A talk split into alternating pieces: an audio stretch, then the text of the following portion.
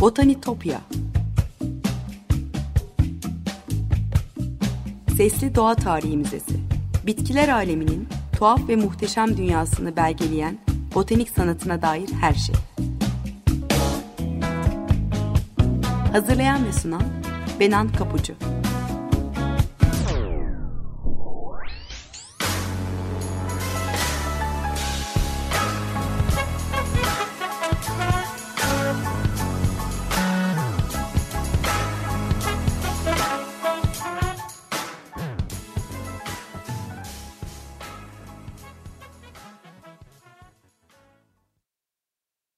Merhaba sevgili Açık Radyo dinleyicileri. Botanitopya'ya, bitkiler aleminin tuhaf muhteşem dünyasına hoş geldiniz. Anlatıcınız ben Benan Kapucu.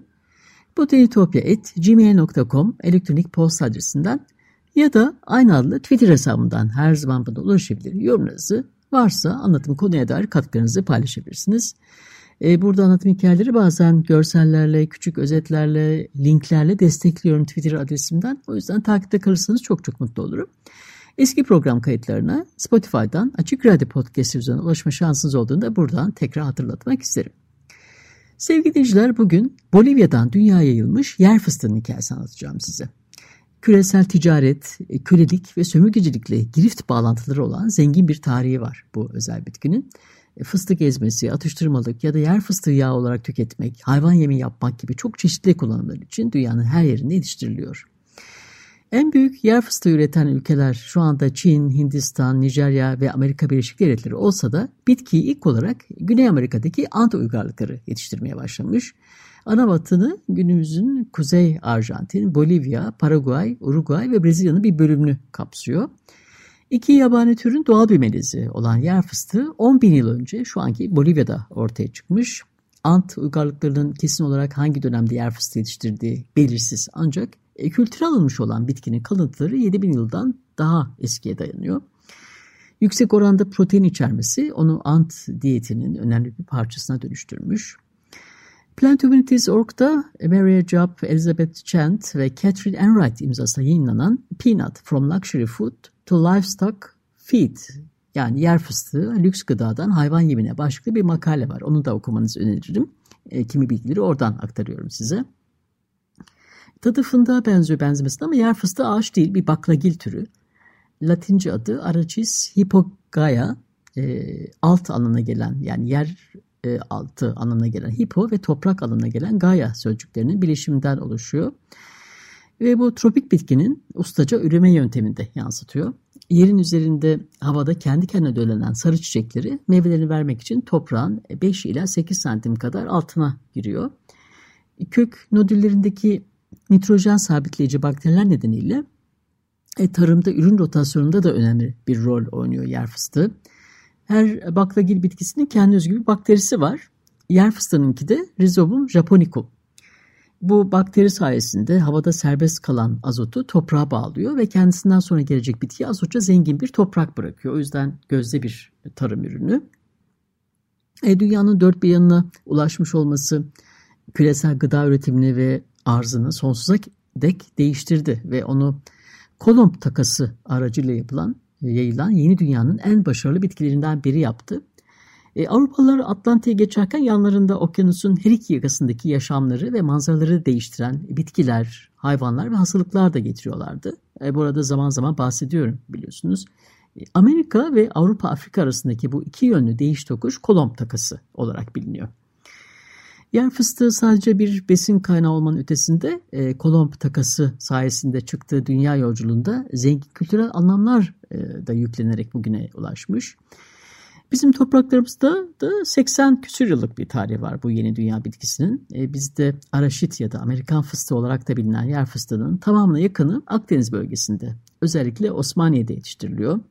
2002 yılında e, Osmaniye yer fıstığı adıyla coğrafi işaret de almış. Önemli bir besin kaynağı olmasının yanı sıra yer fıstığı e, toplumun seçkileri için de statü göstergesi olmuş yıllar boyunca. Sömürge öncesi Peru'da e, sembolik ve dini bir önemi de var. Yer fıstığının e, uzun süredir devam eden popülaritesinin kanıtı Milattan sonra 1. ve 8. yüzyıllar arasında Peru'da gelişen e, Moche uygarlığından kalma eserlerde de karşımıza çıkıyor. Cenaze törenlerinde kullanılan yer fıstığı formunda kalıplanmış vazolar veya yer fıstığı desenli seramikler, fıstık kabuğu biçiminde altın mücevherler gibi. E, Moche'nin e, savaşçı rahip liderlerinin gömüldüğü Sipan'daki kraliyet mezarlarında bulunan altın ve gümüş bir kolye yer fıstığının statü göstergesi olduğunu da en iyi kanıtlarından biri. Yer fıstığının kısmen toprak altında büyüyor olması onun ölüm, tarımsal üretim ve doğurganlık ile ilişkilendirilmesine de neden olmuş. Yüzyıllar sonra İnkalar da yer fıstığı yetiştirip hasadını lamalarla taşımışlar. 16. E, yüzyılda Mestizo tarihçi Inca Garcilaso de la Vega e, kolonyal Peru'da yer fıstığının varlığını belgelemiş. İspanya'da doğmuş ve eğitimini de orada görmüş olan De La Vega 1609 tarihli eserinde İnka uygarlığı zamanında yer fıstığının kızartılarak yendiğini, e, bal ile birlikte bir tür nugat yapmak için kullanıldığını kaydetmiş. Yer fıstığının çiğ yenildiğinde baş ağrısı neden olduğunu, yağının çıkarılarak birçok hastalığı tedavi etmek için kullanabileceğini de yazmış. Yer fıstığı 1500'lerde yerli ticaret e, ağları aracılığıyla Peru'dan Orta Amerika'ya yavaş yavaş yayılır. E, acımasız kaşif Hernan Cortes Meksika'yı fethettikten sonra e, toprağın doğal kaynaklarına dair birçok rapor İspanya'ya ulaştırılmıştı ama erken dönemlerde yer fıstığının Meksika'daki yaygınlığı ve kullanımı ile ilgili bilgiler çok net değil. Bugünkü Meksiko City'nin yeri olan Aztek başkenti Teno, e, Tenochtitlan'da yer fıstığı toprak anlamına gelen e, Tlali ve kakao anlamına gelen Kakaoatl kelimelerinin bilişine oluşan Tlal Kakaoatl adıyla biliniyordu. Yer fıstığı için İspanyolca kelimelerden biri olan e, Cacahuate e, de buradan kökenleniyor.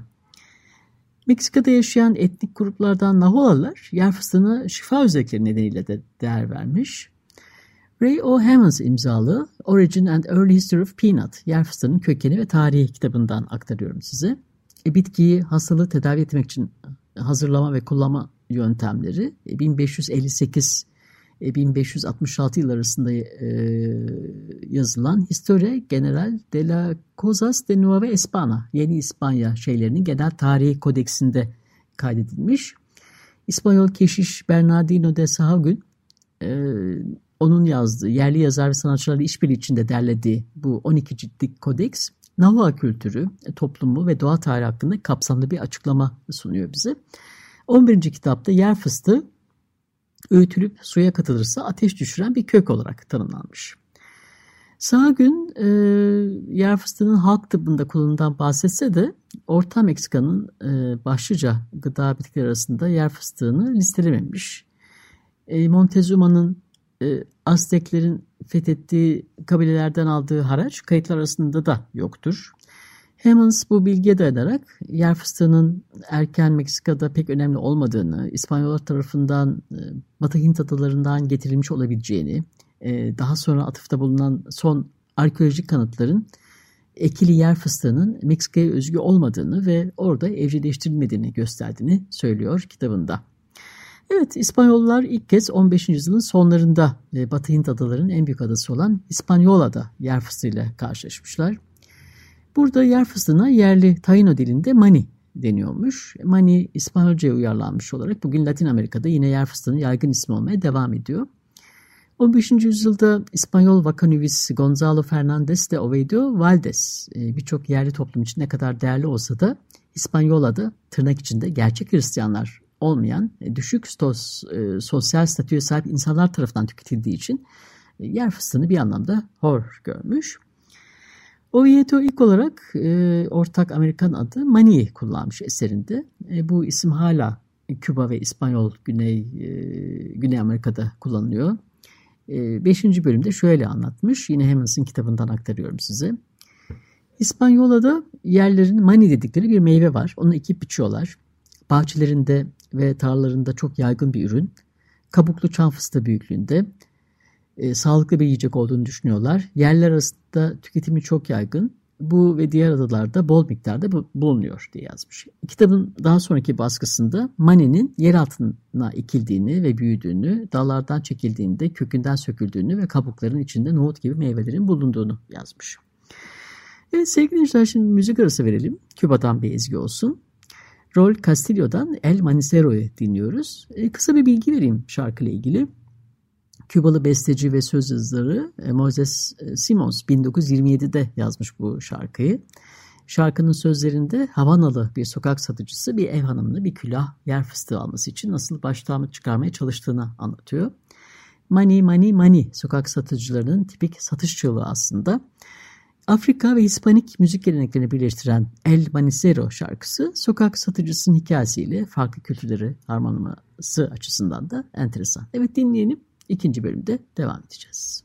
Merhabalar tekrar. 95.0 Açık Radyo'dasınız. Yer fıstığının dünya üzerindeki yolculuğunu konuşuyoruz.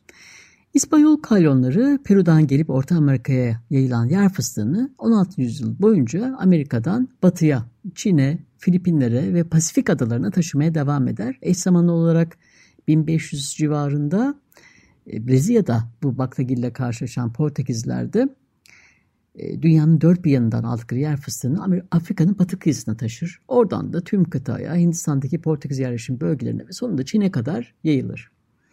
İlk kez Çince bir metinde yer fıstığından bahsedilmesi Kristof Kolomb'un Amerika'yı keşfinden yalnızca 10 yıl sonra 1503 yılına tarihleniyor. El yazmasında haşlanmış veya pişmiş yer fıstığı lezzetli olarak tanımlanıyor. Çince adı düşmüş bir çiçekten doğmuş anlamına gelen Lua Hua Sheng yer fıstığının yerin altında meyve verdiğini atıfta bulunuyordu. Tarihsel kayıtlar 1538 gibi erken bir tarihte Changsu kasabasında yer fıstığı yetiştirildiğini gösteriyor. E, yer fıstığı tarımı 17. yüzyılda e, Guangdong'a ve sonraki yüzyılda Guangdong deltasına ve Tayvan'a kadar genişlemiş. Çin'de yer fıstığı 19. yüzyıla kadar ziyafetlerde servis edilen ve pek çok kişinin erişemeyeceği bir lüks e, olarak kabul görmüş. Lüks bir yiyecek olmuş. Brezilya'ya gelince 1555 yılında Rio de Janeiro körfezindeki bir adada kurulan Huguenot kolonisine sahip Calvinist misyoner Jean Dölleri şu sözlerinde yer fıstığını anlatmıştır şüphesiz. Vahşilerin manobi denen meyveleri de var. Yer mantarı gibi birbirine bağlı olarak toprakta büyüyorlar. İnce liflidir. Baklanın fındık büyüklüğünde ve tadında çekirdeği var. Rengi gri kahverengi ve kabuğu bezelye sertliğinde. Yer fıstığının e, Avrupa'ya ilk girişi kayıt altına alınmamış. E, yararlı ve egzotik Amerikan bitkileri Kolomb'un ilk yolculuğundan itibaren yaygın olarak toplanıp Avrupa'ya tanıtıldığı için araştırmacılar yer fıstığının e, bu kıtaya yüksek olasılıkla 16. yüzyılın başlarında taşınmış olabileceğini söylüyor. Avrupa topraklarında 1574 tarihli en eski kayıt Sevillalı bir doktor olan Nicolas Monardes'e ait. E, Peru'dan ona getirilen bir meyveyi tadıyla, görüntüsüyle tarif etmiş ama nasıl bir bitki olduğunu söyleyememiş. Bu sıralarda 1570-1580'de Brezilya'da yaşayan Portekizli doğa bilimci Gabriel Soares de Suaza'da e, bitki yetiştirme yöntemlerini ilk kez ayrıntılı olarak anlatmış. Şöyle diyor, yer fıstığına özel dikkat göstermeliyiz çünkü sadece Brezilya'da biliniyor, toprak altında filizleniyor. E, bir el mesafesi kadar açıklık bırakılarak elle ekiliyor yaprakları İspanyol fasulyesininkine benziyor ve yanlarında uzantıları var diye anlatmış. Yer fıstığının gevşek ve nemli topraklara ekildiğini, sadece yerli kadınların çalıştığını, erkeklerin nasıl yetiştirileceği konusunda fikri olmadığını, onlar yaparsa muhtemelen yer fıstığının filiz vermeyeceğini yazmış. Güney Amerika yakınına rağmen yer fıstığının şu anda en çok tüketildiği Amerika Birleşik Devletleri'ne, e, Kuzey Amerika'ya e, ulaşması ise 18. yüzyılın başlarında olmuş. Köle gemileriyle Atlantik'i geçerek gelmiş e, e, yer fıstığı. Köle tüccarları e, sert dış kabuğu e, bozulmasını önlediği için kolay saklanabilen yer fıstığını köleleştirilmiş halkların gıdası olarak da kullanıyorlardı. Sömürge toprakları olan bağlantısı elbette dile de yerleşmiş. Amerikan İngilizcesinde yer fıstığının yaygın lakaplarından olan Goober, e, Angola'da yaygın konuşulan Kimbundu dilindeki karşılığı Guba sözcüğünden kökenleniyor. Güney Amerika'da yer fıstığı için başka bir terim olan e, Pinder ise Kongo dilindeki karşılığı Pinda sözcüğünden türemiş. Bu ödünç kelimelerin plantasyon toplumlarında kolonyal İngilizce konuşanlar tarafından benimsenmesi, köleleştirilmiş Afrikalıların sömürülmüş olduğunu dil üzerinden de kanıtlıyor bize. Köle tüccarları bitkinin Afrika kökenli isimleriyle birlikte Afrikalıların yer fıstığı yetiştirme bilgisine de el koymuş. E, köleleştirilmiş Afrikalıların yetiştirdiği yer fıstığı Amerika Birleşik Devletleri'nin güneyinde çiftliklerde hayvan yemi olarak da tüketiliyormuş. İç savaş sırasında yer fıstığı yağı ambargalı olan balina yağının yerine makine yağı, yağı olarak kullanılmış. Savaştan sonra e, tarım teknolojisindeki gelişmelerle teşvik edilen yer fıstığı kullanımı Amerika Birleşik Devletleri'nde ülke çapında yayılmaya başlamış. E, bunun aracılarından biri de kariyerin çoğunu güneyde mahsulü popülerleştirmeye adayan öncü tarım bilimcisi George Washington Carver. Missouri'de köle olarak dünyaya gelen ve bilim kariyeri boyunca Tuskegee Enstitüsü'nde öğretmenlik yapan e, biri Carver. Ayrımcılık çağında etkili bir halk figürü. Yerel ve ulusal ölçekte yer fıstığı üretimini destekliyor. Güney topraklarında monokültüre dönüşen pamuğun neden olduğu besin eksikliğini ve erozyonu düzeltmenin bir yolu olarak yer fıstığı ekibini öneriyordu. Yer fıstığı yağından yapılan ürünler de dahil olmak üzere çeşitli kullanımlar icat eder Carver. E, mutfaktaki yenilikler ve tarımsal ilerlemeyle birlikte yer fıstığının yıldızı da yükselmeye devam eder Amerika Birleşik Devletleri'nde. Yer fıstığının kavrulup e, kabuklarını soyduktan sonra e, tuz ve yağ ile bir macun haline gelene kadar öğütüldüğü fıstık ezmesini icat eden de Carver. E, fıstık ezmesi ve fındık ezmesi için Amerika Birleşik Devletleri patentleri 19. yüzyılın sonlarında ortaya çıkmaya başlamış. İlk başta çay saatinde ikram edilen fıstık ezmesi Birinci Dünya Savaşı'nın e, gıda tayinlaması sırasında doldurulmuş et yerine protein olarak pazarlanmaya başlamış. E, büyük buhran sırasında ucuz bir enerji e, kaynağı olarak yaygınlaşmış. Amerika'daki yer fıstığının tarihi hakkında çok şey araştırılmış olsa da Afrika'daki köleleştirilmiş yer fıstığı çiftçilerine çok az referans var. Slaves for Peanuts, A Story of Conquest, Liberation and a Crop That Changed History yani fıstık köleleri bir fetih, kurtuluş ve tarihi değiştiren bir ürün hikayesi kitabının yazarı Jory Lewis bu anlatıyı ışık tutmuş. E, Senegalli gazeteci kitabında Avrupa'da yer fıstığı yağına olan talebin Avrupalı güçlerin kontrol ettikleri topraklarda resmen yasakladıktan çok sonra bile Afrika'daki köleliğin 20. yüzyılda kadar sürmesine nasıl neden olduğunu yazıyor. E, Batı, Afrika ve Avrupa arşivlerinin derinliklerine inen Lewis, yer fıstığının kölelik ilişkisine, e, kaçak köleleri barındıran Afrika doğumlu bir Fransız misyonerden, e, Fransız emperyalizmin siyasetinde yön bulan bir eyalet liderine kadar birçok karakterin gözünden anlatıyor. İç savaştan sonra e, Amerika Birleşik Devletleri'nde yer fıstığı satıcıları, e, kölelik çağrışımları, ırk ve sınıf klişeleri nedeniyle halk tarafından küçümsenir olmuş. Yakın tarihte e, Civil Eats e, bloguna verdiği bir röportajda Lewis, e, kolonyal geliştirmeyi hızlandıran yer fıstığının e, paradoksal bir şekilde bazı insanların özgürleşme aracı haline geldiğini de söylüyor. Amerika'da e, kölelerin yiyecek satabileceği veya biraz e, para kazanabileceği mutfak bahçelerinin olduğunu, yer fıstığı önemli miktarda satıldığı için bazı kölelerin kendi özgürlüklerini eskisinden daha hızlı satın alabildiğini e, ve başka yerlerde toprak alıp yine yer fıstığıyla e, kendi geçimlerini sağlamanın bir yolunu e, bulduğunu da anlatıyor. Yer fıstığı bir anlamda her şeye rağmen eşit görünmek ve hayatı kendi kurallarına göre yaşamak için sebat eden bir halkı da temsil ediyor. E, yer fıstığının küresel ticaret, kölelik ve sömürgecilik tarihleriyle girift bir şekilde bağlantılı zengin bir tarihi var gördüğünüz gibi. Lüks gıdalardan hayvan yemlerine kadar bu baklagilin sosyal, kültürel ve ekonomik yaşamı pek çok e, biçime bürünmüş. Ekosistem için de önemli. Yer fıstığı e, bitkisi toprağı iyileştiriyor, yeniliyor ve bu yüzden toprak sağlığını korumak adına çevreye de katkısı var. Son derece besleyici ve protein dolu onu tüketen birçok canlı için faydalı özellikle de biz insanlar için. Evet sevgili dinleyiciler Topya'daki keşif yolculuğumuz bu hafta da buraya kadar. Twitter adresimden takipte kalmayı unutmayın lütfen. Program destekçilerime gönülden teşekkürlerimi iletiyorum. İki hafta sonra başka bir hikayede tekrar buluşmak üzere. Sevgiyle ve doğayla kalın.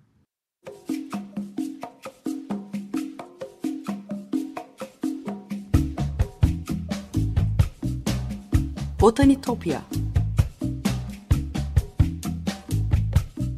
Sesli Doğa Tarihi Müzesi.